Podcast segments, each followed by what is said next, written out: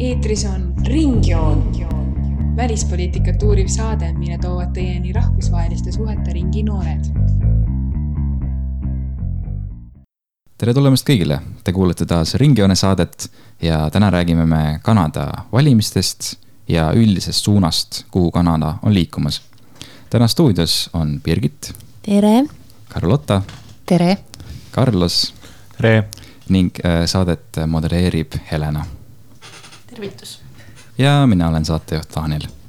aga kõigepealt äh, võib-olla teeksimegi siis ülevaate sellest, et äh, mis siis juhtus Kanadas täpselt kuu aega ja üks päev tagasi saate lindistamise seisuga, kus toimusid üldvalimised. millised olid tulemused, kes olid võitjad, kes olid kaotajad?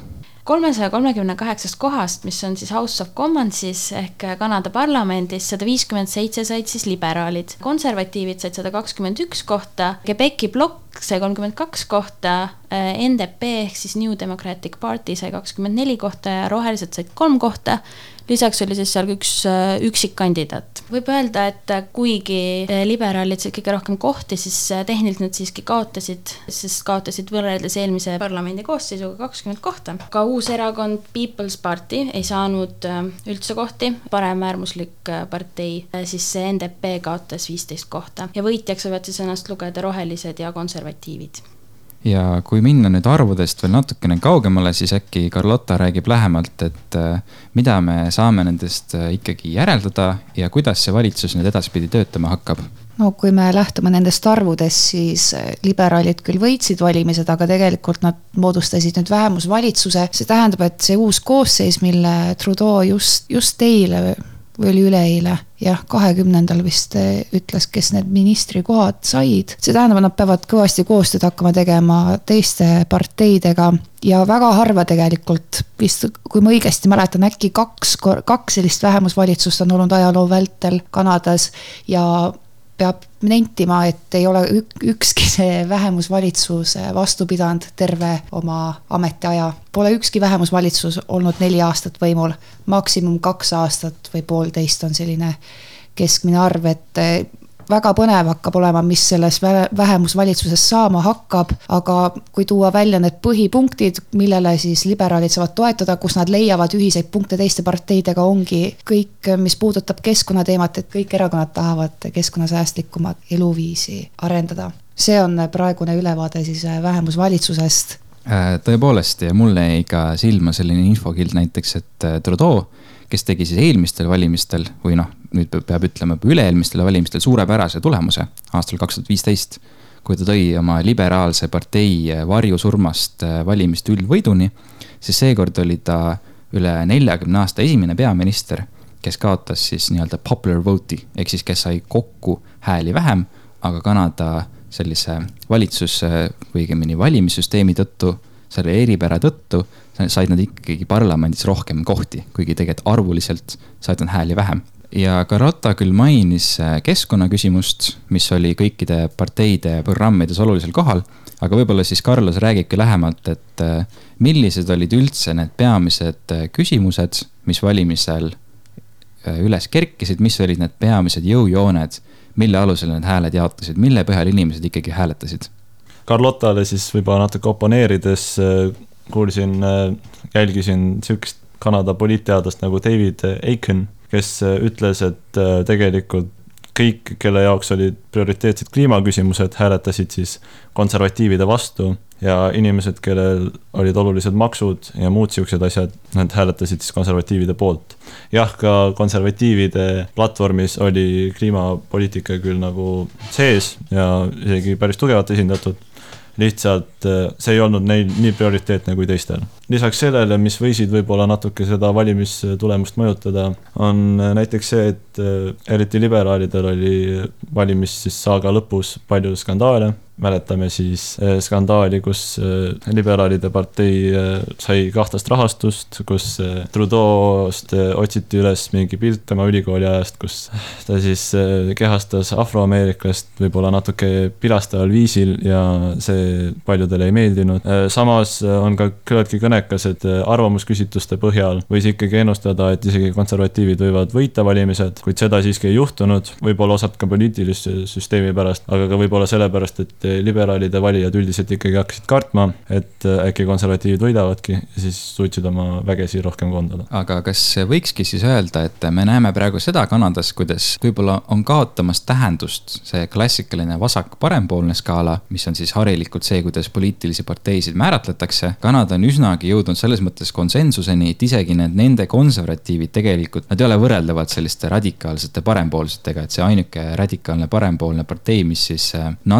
natukenegi hääli sai, tegelikult jäi ikkagi väga kaugele ühest ainsastki parlamendikohast. ehk siis, kas me saame rääkida sellest, et nüüd meil on tekkimas selline kolmas telg sinna, mis on selline roheline skaala? et äh, kas see on see uus jõujoon, kuhu parteid hakkavad paigutuma?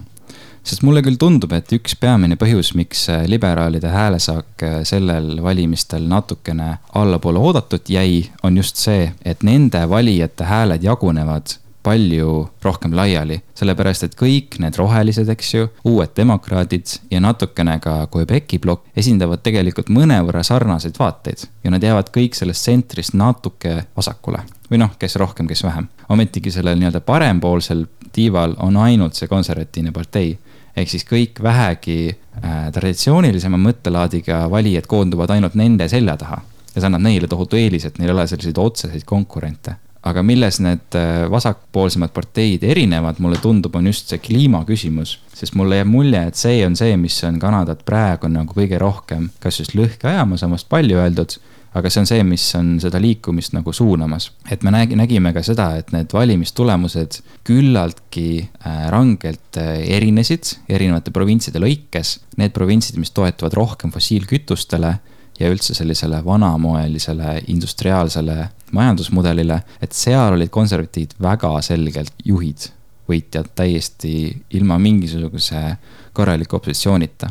samas kui need moodsamad, ütleme, näiteks linnad ja muud tihedama astusega kohad, kus on selline teadmispõhine majandus, et seal on jälle liberaalid või üldse vasakpoolsed. et kuidas teile tundub, et kas see võib olla põhjus, miks liberaalid seekord natukene jooksid lati alt läbi ja mis eh, rolli hakkab see roheline küsimus mängima näiteks järgmistel valimistel? mina nõustun kindlasti, no siin tuleb rääkida Alberto olukorrast, et et kui ma vaatasin üldse, kuidas need valimistulemused jaotusid Kanada kaardi peal, siis ikkagi Lääne-Kanada oligi tugevasti vaid äh, konservatiivide käes need hääled. Ja kui tulla Alberta olukorra juurde, siis Alberta ongi see, see provints, kus toodetakse enim kütust, fossiilkütust, mis aitab väga kaasa Kanada majanduskasvule.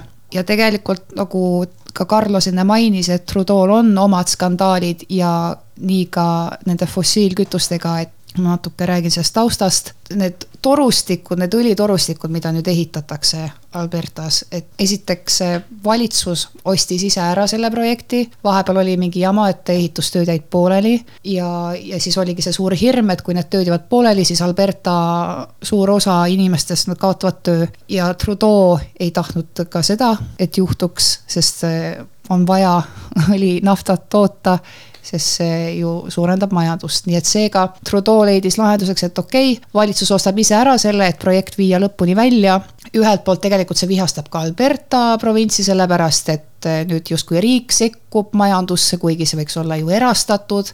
teisalt on vihased kliimastreikijad ja ka Greta Thunberg tweetis sellest, et ta on väga pettunud, et Trudeau niimoodi käitub, kuigi nad on Trudeau ja Greta Thunberg on omavahel kohtunud ja rääkinud kliimast ja Trudeau nentis, et tõesti, Kanada peab rohkem pingutama, et olla keskkonnasäästlikum.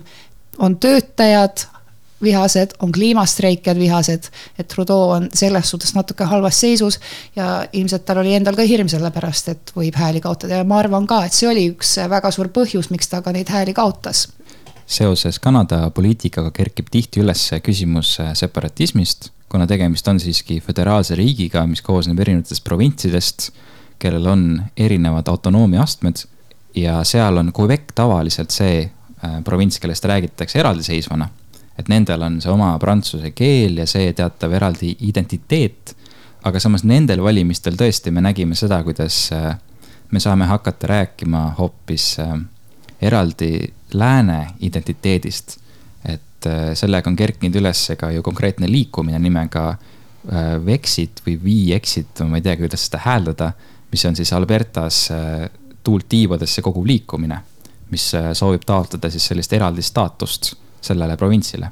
Albertas siis tõesti algas see Vexit ja see on üleüldse selline trend praegusel hetkel, et need väikesed kogukonnad siis leiavad, et üksi või rohkem suveräänsena oleksid nad siis edukamad, kui olles osa siis sellest suurest äh, Kanadast, et siis Lääne-Kanada üleüldiselt ei olegi siis rahul sellega, mida näitas siis ka valimistulemused, et just siis seda kliima poolest neid siis alla surutakse, siis sellest ka see Vexit on äh, nii palju tuult äh, tiibadesse saanud. siis Vexitil on siis eeskujusid ka Brexit kasvõi näiteks äh, ja siis ka Kanada näitel, kuidas Quebec üritas äh, saavutada suveräänsust. nojah, ja lihtsalt mainida ära, et üheksakümne viiendal aastal, kui oli referendum, siis Quebecis oli see tulemus väga-väga napikas, et nelikümmend üheksa olid poolt, nelikümmend üheksa protsenti ja viiskümmend üks protsenti olid äh, eraldumise vastu.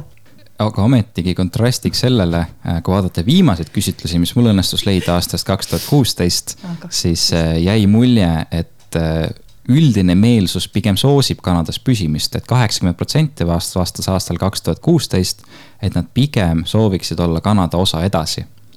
aga ometigi on huvitav see, et Quebeci plokil Äh, parteil, mis siis tegutsebki või õigemini parteil, mis paneb esindajad välja ainult siis selles Quebeci provintsis, läks üllatavalt hästi.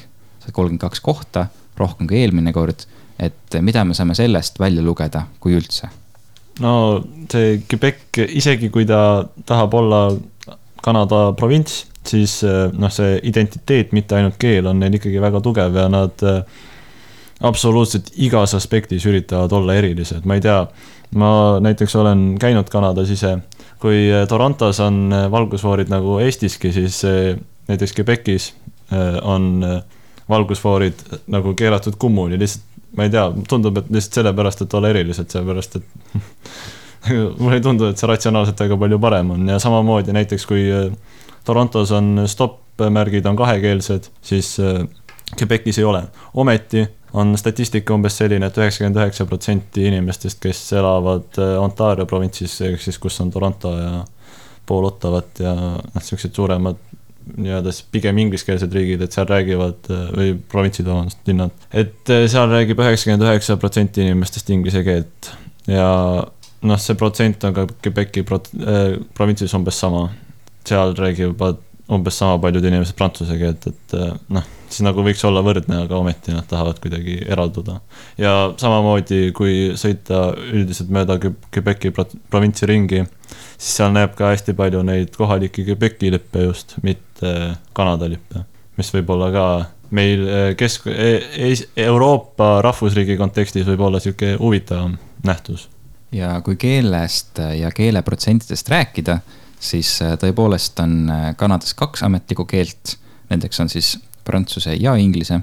aga ometigi mina leidsin, et kusagil umbes kakskümmend protsenti kanadalastest räägib emakeelena prantsuse keelt. võrdluseks näiteks Eestis on see vene keele vastav protsent kusagil kolmekümne ringis. aga no ometigi nõutakse siis äh, kõikidelt, äh, ma ei ole nüüd kindel, kas on ka riigiteenistujatelt või on see lihtsalt avalikus sektoris töötavatelt inimestelt prantsuse keele oskust, et see mängib seal väga suurt rolli. Ja mulle tundub küll, et äh, sellise nõude taga on siis see Quebeci sirge selg, äh, nende tugev äh, selgroog ja just see nende eraldiseisev partei, mis siis ka üleriigilisel tasandil äh, esindab jõuliselt just nende huvisid. et Eestis meil oleks väga raske ette kujutada, et, et vene keel oleks teine riigikeel, kuigi loomulikult siin on see ajalooline küsimus ka plaanil, et Prantsusmaa on samamoodi küll koloniaalvõim, aga samamoodi on ka inglise seda, et neil ei ole seda muidugi ajaloolist tausta. Aga lihtsalt huvitav mõelda, et tegelikult terve tervest Kanadast räägib prantsuse keelt pigem vähe inimesi. kuigi Quebecis tõesti see on umbes kaheksakümmend protsenti. et on üsna eraldiseisvalt prantsusekeelne, kuigi see mõjutab kogu riiki, see prantsuse keele olulisus. ja see on väga huvitav nähtus, sellepärast et eh, nagu sa enne mainisid, tegelikult väga väike protsent räägib prantsuse keelt, siis eh, võrreldes või arvestades seda, kui multikulti riik tegelikult Kanada on, siis kui võtta kokku kõik need teistest rahvustest inimesed, kes elavad Kanadas, neid on palju rohkem kui neid Quebeci või neid just Kanada prantslasi või kes räägivadki prantsuse keelt emakeelena.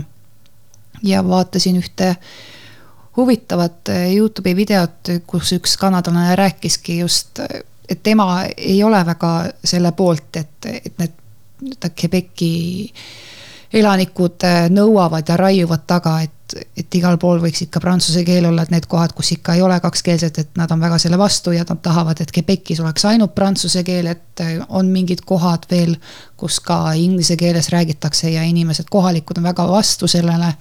ja, ja mis, kas see oli Vancouveris või mingis linnas, nad väga norisid taga seda, et nad tahavad prantsuskeelset ülikooli, et nad ei ole nõus nii inglise keeles õppima tegelikult, et ka Kanada-siseselt on palju vastakaid arvamusi selle kohta, et on mingi enamus, kes arvavad, et ei ole vaja prantsuse keelt rääkida, sest tegelikult noh, Daniel, sa no, küsisid veidi, et kas on ainult avalikus sektoris vaja ja siis vastates sulle jah, et vai-, et avalikus sektoris tõesti on vaja seda või just nimelt, kui sa tahad valitsuses töötada mingil ametipostil, siis eh, kui prantsuse keelt ei oska, siis ei ole võimalust tööle ka saada veel võib lisada, et ka kõik valimisdebatid peavad olema prantsusekeelsed.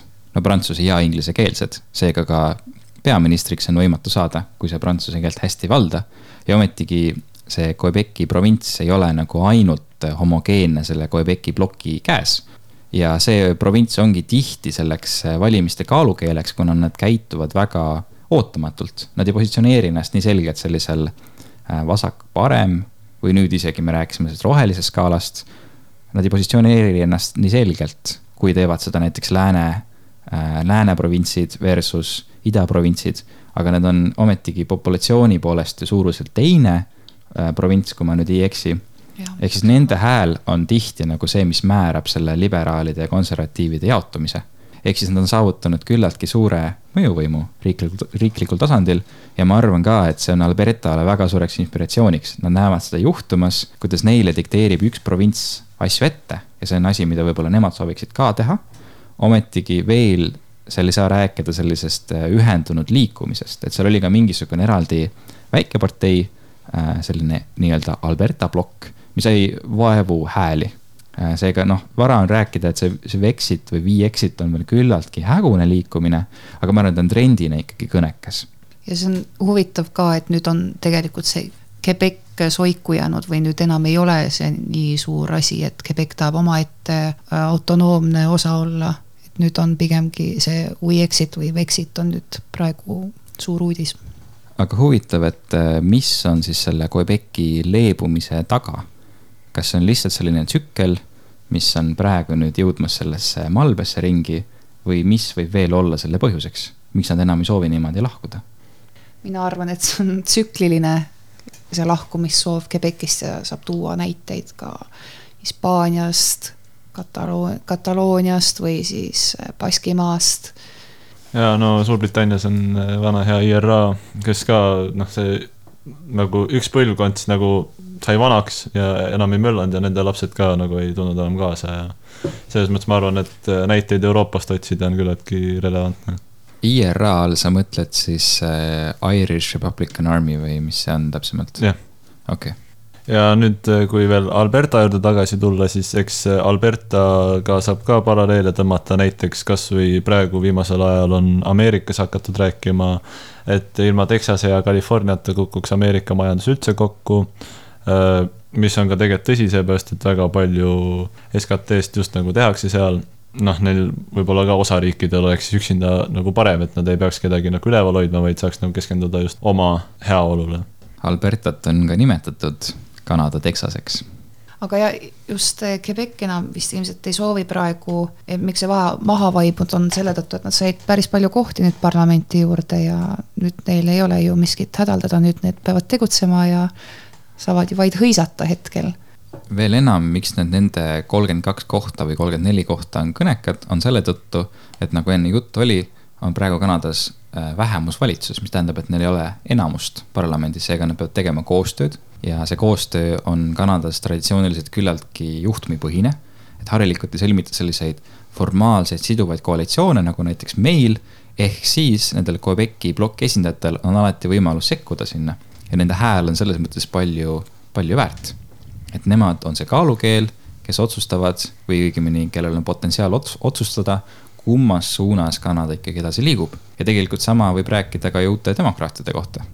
Ja uute demokraatide puhul võib-olla võibki siis välja tuua selle, et noh, nad said kakskümmend neli häält, mis noh, kui nad teeksid liberaalidega koostööd, oleks siis nagu enamuse saavutamiseks piisav. samas noh, nad on pigem siuksed sotsiaaldemokraatliku poolega, mitte nii väga ainult liberaalid, mis siis noh, põhjustab ka mõningat nendepoolset kriitikat just liberaalide suunas. näiteks on nende esimees öelnud, et Kanada viimased neli aastat on olnud väga eliidipõhised, et poliitika soodustab küll eliiti, kuid mitte tava, tavarahvast, tavainimesi. näiteks eh, tema arust peaks siis nagu kiiremal, kiiremas korras eh, tagama riikliku hambaravi ja, ja peatada kinnisvara kallinemise, mis on ka Kanadas eh, päris suur probleem, et rendid on liiga kõrged, üürid on liiga kõrged. uued demokraadid kaotasid küll võrdlemisi palju hääli võrreldes eelmiste valimistega et enne olid nemad olnud traditsiooniliselt see kolmas partei suuruselt, aga nüüd nad olid küllaltki rõõmsad tulemusega ja just seetõttu,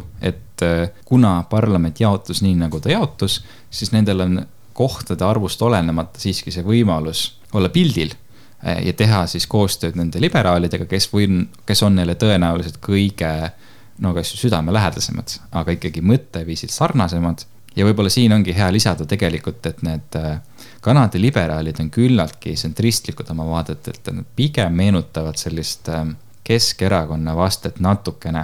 ja siis tõesti, nagu Carlos mainis, siis need uued demokraadid esindavad seda sotsiaaldemokraatlikku telge või nad on isegi võib-olla veel vasakpoolsemad kui näiteks meie sotsiaaldemokraadid. aga just see, et, et tegelikult liberaalid Eestis see sõna kõlab niimoodi väga, ma ei saa öelda äärmuslikult, aga ütleme noh, et see on nagu, äh, et isegi meie Reformierakond pole selles mõttes rangelt võttes liberaalne, selline vasakust tsentrist natuke vasakul, aga jah, et nendel uutel demokraatidel on põhjust hõisata.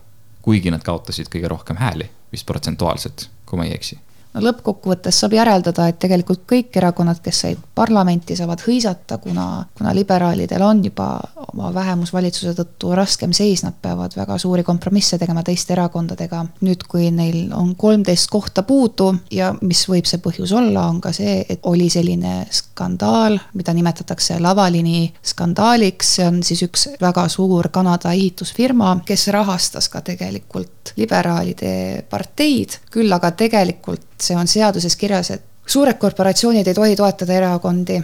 sellest oli esiteks suur skandaal ja teiseks see, et Lavalinn andis pistist Gaddafile omal ajal kunagi see, et inimesed läksid täitsa pöördesse selle pärast. võib-olla ka see muutis liberaalide seisu väga saatuslikuks. ja asjad eskaleerusid niimoodi eelmise valitsusega, et justiitsminister ei olnud nõus lihvima seda Lavalini skandaali. Trudeau leidis ja arvab, et ehitusfirma Lavalin on jällegi väga hea Kanada majanduse edendaja, et olgugi, mis juhtunud on, seda ettevõtet ei saa kuskile nurka visata, seda on vaja ja Trudeau tahtiski, et endine justiitsminister, et ta lihviks asja, aga justiitsminister ei olnud absoluutselt sellega nõus ja et valitsuse siseselt tekkisid väga suured pinged, mistõttu Trudeau otsustas, et lihtsalt justiitsminister peab vahetuma, ehk siis justiitsminister tagane, tagandati ja, ja hakkas mingi uus segunemine pihta, hakati jälle rolle vahetama valitsuse sees. Ja tegelikult ka nüüd räägitakse, spekuleeritakse, et ka nüüd uue valitsuskoosseisuga võivad asjad muutuda. küll aga just nimetati välja, kes praegused ministrid on, see seis ei pruugi üldse selliseks jääda mõne kuu pärast näiteks isegi. Ja see, kuidas siis või mida Trudeau siis nagu pehmendada üritas, on see, et äh, sellele Lavelinile oleks pidanud seaduse järgi tulema mingi kümneaastane siis avalike projektide või avalike hangete mingi keeld noh, mis sellele firmale oleks väga-väga valusalt mõjunud, aga noh, kuna Trudeau'l ma ei tea, võib-olla on ka omal mingid sõbrad, noh, pluss siis nagu poliit- ja ärihuvid natuke seal mängus, siis äh, hoidis nagu seda tagasi küllaltki illegaalselt. et see näitab võib-olla, mispärast enam me väga ei usaldata liberaale, pigem tulebki see, nagu enne rääkisime, see rohelise, roheline osa, roheline suund mängu kui proovida pilt nüüd võtta natukene laiemaks, siis äh, kas me saame nüüd pärast neid valimistulemusi rääkida ka mingisugustest muutustest Kanada poliitikas? kas me saame rääkida mingisugusest hoiakust, mis on nüüd erinev, kui ta oli enne?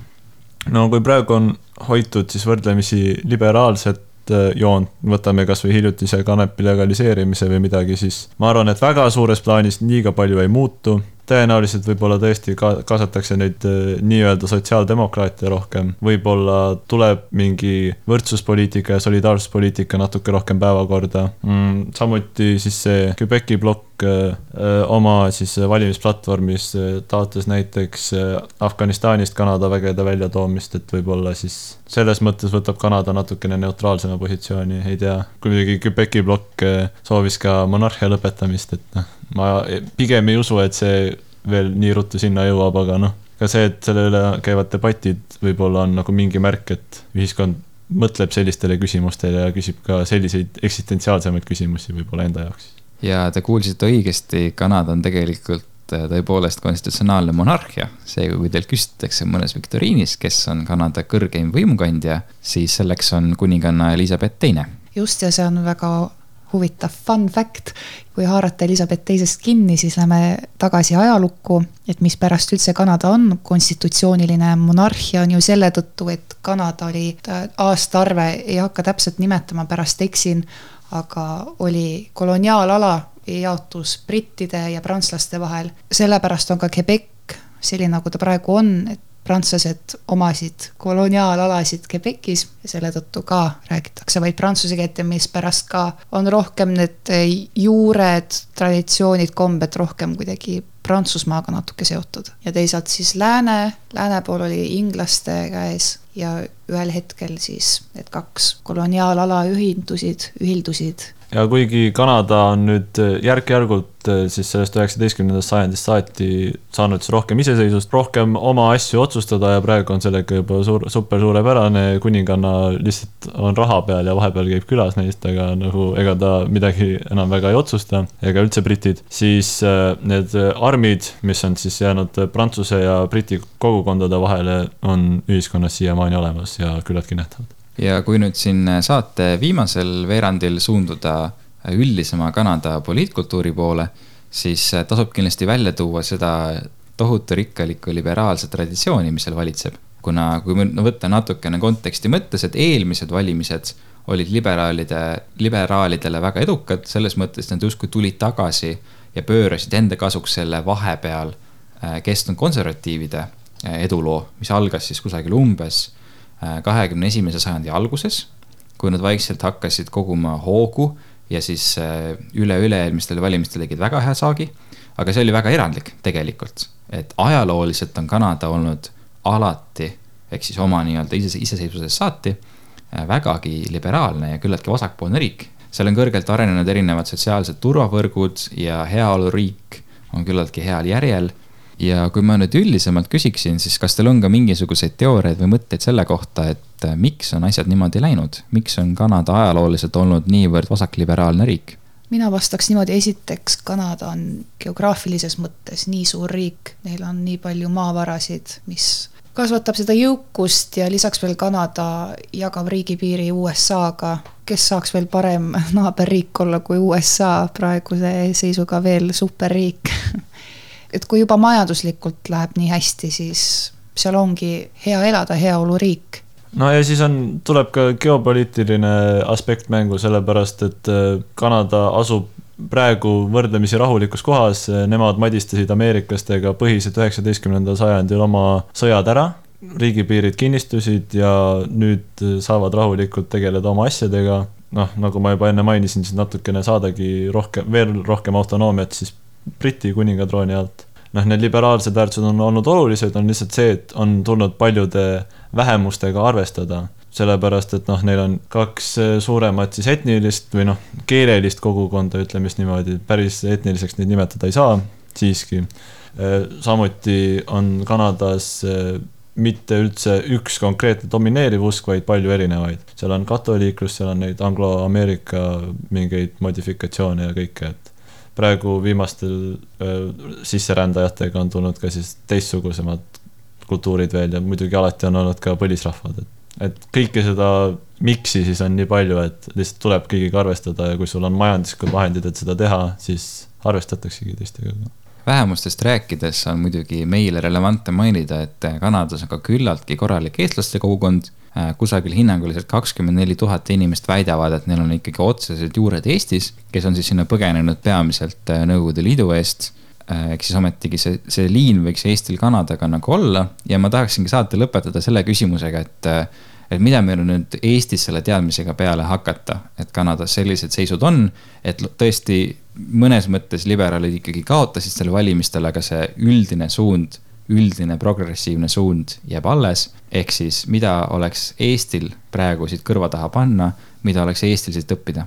Kui me juba saate alguses rääkisime, et see roheline poliitika oli just väga oluline neil, siis minu meelest võiks ka olla ka Eestis noh, me võiks vaadata sinnapoole, meil on endal ka suured põlevkivivarud, millest nagu, mida pea, võiks vähem kasutada ja kõik selline nagu maailmapilt ja noh, kuigi meil võib-olla ei ole nii palju maavarasid, mille peal siis liugu lasta, eriti kui me ei kaot-, kasutaks nii palju põlevkivi, siis ikkagi võiks proovida ka sellist solidaarset ja liberaalset ühiskonda arendada, eriti väikeriigina võib-olla Eesti kontekstis võib mõelda ka natuke lähemale Holland ja Taani ka tegelikult kuningriigid võib-olla, mis äkki on natukene geopoliitilises mõttes Eestile sarnasemad, et nad, neil ei ole küll neid maavaru võib-olla nii palju, aga noh, enam-vähem sama kliimastik ja värki ja ka nemad tegelikult saavad võib-olla, ajavad enam-vähem sarnast poliitikat ja saavad oma asjadega hästi hakkama, et, et võib-olla tõesti mitte isegi nii väga Rootsit vaadata, kui vaadatagi Hollandit ja Taanit näiteks.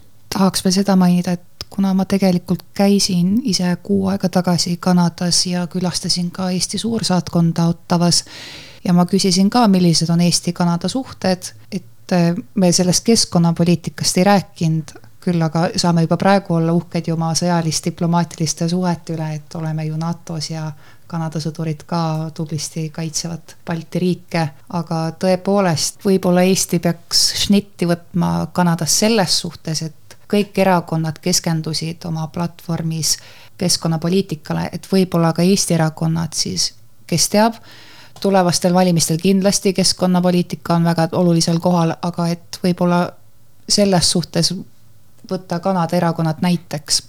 et kas meil ongi tarvis ühte sellist kahekümne kohaga rohelist erakonda või on pigem vaja sellist konsensust üldiste parlamendierakondade seas, et kõikide programmides oleks kliima ikkagi käsitletud.